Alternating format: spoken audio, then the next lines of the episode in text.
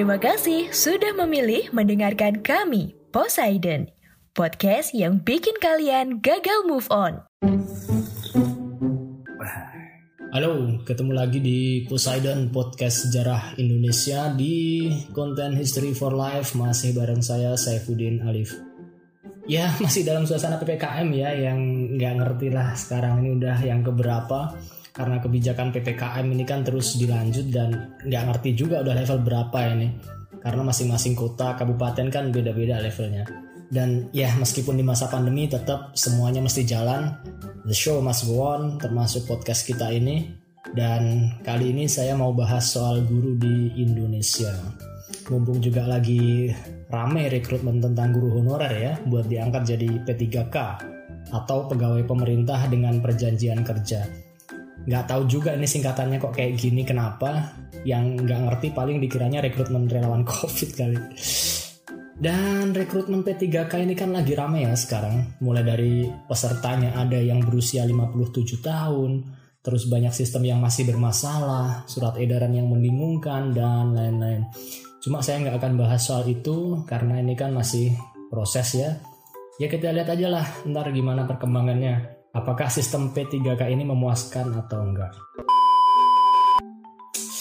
Um, mungkin kali ini saya mau bahas soal perjalanan dan dinamika guru di Indonesia dari masa ke masa. Dan mungkin saya mulai sejak Indonesia merdeka aja ya. Nggak usah jauh-jauh sampai masa penjajahan apalagi masa Islam, apalagi masa Hindu Buddha kejauhan lah dan gak konteks juga. Jadi setelah Indonesia merdeka ini kan langsung dibentuk PGRI, Persatuan Guru Republik Indonesia buat mewadahi kaum guru di Indonesia, tepatnya tanggal 25 November 1945 di Surakarta. Tujuannya ya buat memperjuangkan hak dan nasib guru. Maksudnya hak dan nasib itu ya kesejahteraan lah. Karena guru ini pada masa yang lalu dan bahkan mungkin sampai sekarang dalam kasus-kasus tertentu itu kan profesi yang kesejahteraannya tanda kutip kurang diperhatikan. Sementara kaum guru menganggap bahwa profesi mereka ini adalah profesi yang menempati garda terdepan dalam mencerdaskan generasi masa depan bangsa. Lebih spesifik lagi, garda terdepan dalam merealisasikan amanat konstitusi kita, yaitu mencerdaskan kehidupan berbangsa. Um, kita mulai dari Orde Lama ya.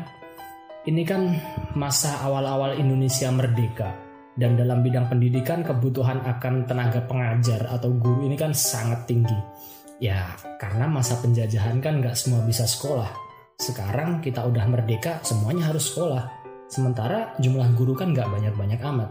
Maka di masa pemerintahan Bung Karno, tepatnya tahun 1950, ada satu program untuk mencetak guru sekolah namanya KPK-PKB atau kursus pengajar untuk kursus pengantar kepada kewajiban belajar. Kursus ini diberikan ke anak-anak muda usia 15 sampai 18 tahun yang mau jadi guru dan diikat dengan kontrak pemerintah dengan tunjangan Rp85 per bulan. Kalau kita lihat nilai tukar rupiah terhadap dolar waktu itu, 85 rupiah ini ya mungkin setara dengan 170 ribu lah hari ini. Ya meskipun nggak bisa kita bandingkan apple to apple ya tapi intinya gajinya rendah banget lah. Cuma kursus ini kan belum merata di semua daerah sementara kebutuhan pendidikan dasar itu kan tinggi banget dulu namanya sekolah rakyat atau SR yang sekarang jadi SD dan untuk mengatasi masalah ini pemerintah buat kebijakan kalau untuk jadi guru SR cukup dengan ijazah SR dan surat keterangan dari kepala desa. Artinya ya buat jadi guru SD syaratnya simple, lulusan SD. Jadi waktu itu mungkin pertimbangannya ya mungkin itu paling nggak yang udah ngerasain pelajaran SD itu bisa lah ngajar anak-anak SD. Ya gimana lagi SDM-nya terbatas mau apa? Dan ini berlaku buat semua jenjang ya. Di sekolah lanjut pertama atau SLP yang sekarang jadi SMP dan sekolah lanjut atas atau SLA itu juga begitu. Artinya syarat guru SMP minimal ya lulusan SMP, syarat guru SMA ya minimal lulusan SMA dan masa-masa ini memang masa-masa pembentukan ya. Jadi kebijakan soal pemenuhan kebutuhan guru ini banyak banget yang nggak usah semuanya saya omongin di sini. Kayak sekolah guru A atau SGA, ada sekolah guru B atau SGB. Terus buat sekolah menengah ada juga pendidikan guru sekolah lanjutan pertama PGSLP. ada juga kursus B1, B2, macam-macam lah. Dibangun juga akhirnya PTGP atau Perguruan Tinggi Pendidikan Guru yang dalam perkembangannya ntar jadi IKIP yang intinya semua program itu untuk meningkatkan kualitas dan profesionalitas seorang guru. Ya niatnya sih gitu ya, tapi tahu sendirilah di Indonesia yang kita sama-sama tahu juga antara konsep dan praktik ini kan selalu seiring sejalan. Nah, masa Orde Baru ini kan kemudian terbentuk IKIP yang mencetak calon guru tingkat menengah, SMP dan SMA lah. Kalau guru TK dan SD waktu itu cukup lulusan SPG atau Sekolah Pendidikan Guru, ya setara SMA ya. Dan banyak yang langsung diangkat jadi PNS juga setelah lulus SPG ini. Nah, kita mungkin langsung lompat ke masa reformasi atau masa-masa sekarang ini sekarang semua guru baik tingkat TK sampai SMA minimal kan harus lulusan pendidikan tinggi atau S1. Terus dari sisi kesejahteraan ya relatif udah baik lah, apalagi PNS. Gaji pokok PNS newbie kan 2,5 juta. Kalau udah sertifikasi juga dapat satu kali gaji, artinya gajinya dua kali lipat. Belum lagi tunjangan ini itu. Ya udah lebih baik lah ya kalau dibanding zaman Orde Baru apalagi Orde Lama maka nggak heran juga banyak yang tertarik buat jadi PNS. Ya secara kerja gitu-gitu aja gajinya lumayan kan, siapa yang nggak pengen? Yang jadi persoalan sekarang ini kan kebutuhan guru. Kalau guru mau dijadikan PNS ya, itu kan kurangnya masih banyak banget. Artinya hari ini sekolah-sekolah masih banyak yang menggunakan tenaga guru honorer. Beberapa daerah udah ada sih peraturan yang melarang untuk mengangkat guru honorer dengan pertimbangan nggak ada anggaran khusus buat bayar mereka, terus guru-guru honorer ini dianggap rewel karena ujung-ujungnya minta diangkat PNS ya kasarnya gitulah. Macam-macam sih pertimbangannya. Cuma kalau guru PNS kurang ya mau apa? Masa iya mau datengin guru bimbel? Malah lebih banyak duit yang keluar dari sekolah yang mending angkat guru honorer aja biasanya muda-muda pekerja keras mau digaji murah dan dikasih harapan suatu saat bakal diangkat jadi PNS harapan yang nggak tahu kapan terwujudnya juga ya Nah, kalau kasus udah kayak gini, pemerintah ya mau nggak mau mesti ngangkat guru honorer ini jadi PNS untuk memenuhi kebutuhan guru. Cuma di sisi yang lain, pemerintah ini kan ya mikirin duitnya juga. Kalau diangkat semuanya, beban negara buat bayarin guru-guru ini kan gede banget. Apalagi buat PNS, ada jaminan uang pensiun kan, tambah gede lagi biayanya. Ya makanya win-win solution itu muncul kemudian konsep P3K. Gaji ya setara PNS cuma nggak ada jaminan uang pensiun ya saya ngerti juga sih kenapa pemerintah kayak gitu. Kalau saya di pemerintahan pun kayaknya juga bakal kayak gitu juga ya. Serba dilematis pemerintah ini. Ya gimana kita kalau lihat kualitas guru-guru di Indonesia ini kan banyak yang ya nggak tega lah ngomongnya ya begitulah ya. Intinya pada pengen gaji tinggi tapi nggak diimbangi sama kualitasnya.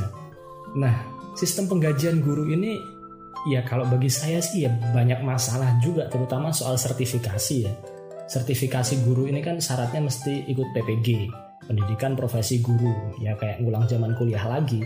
Toh materinya juga nggak jauh beda kan sama zaman kuliah S1 dan sorry to say banyak kasus ini kan cuma jadi formalitas saja.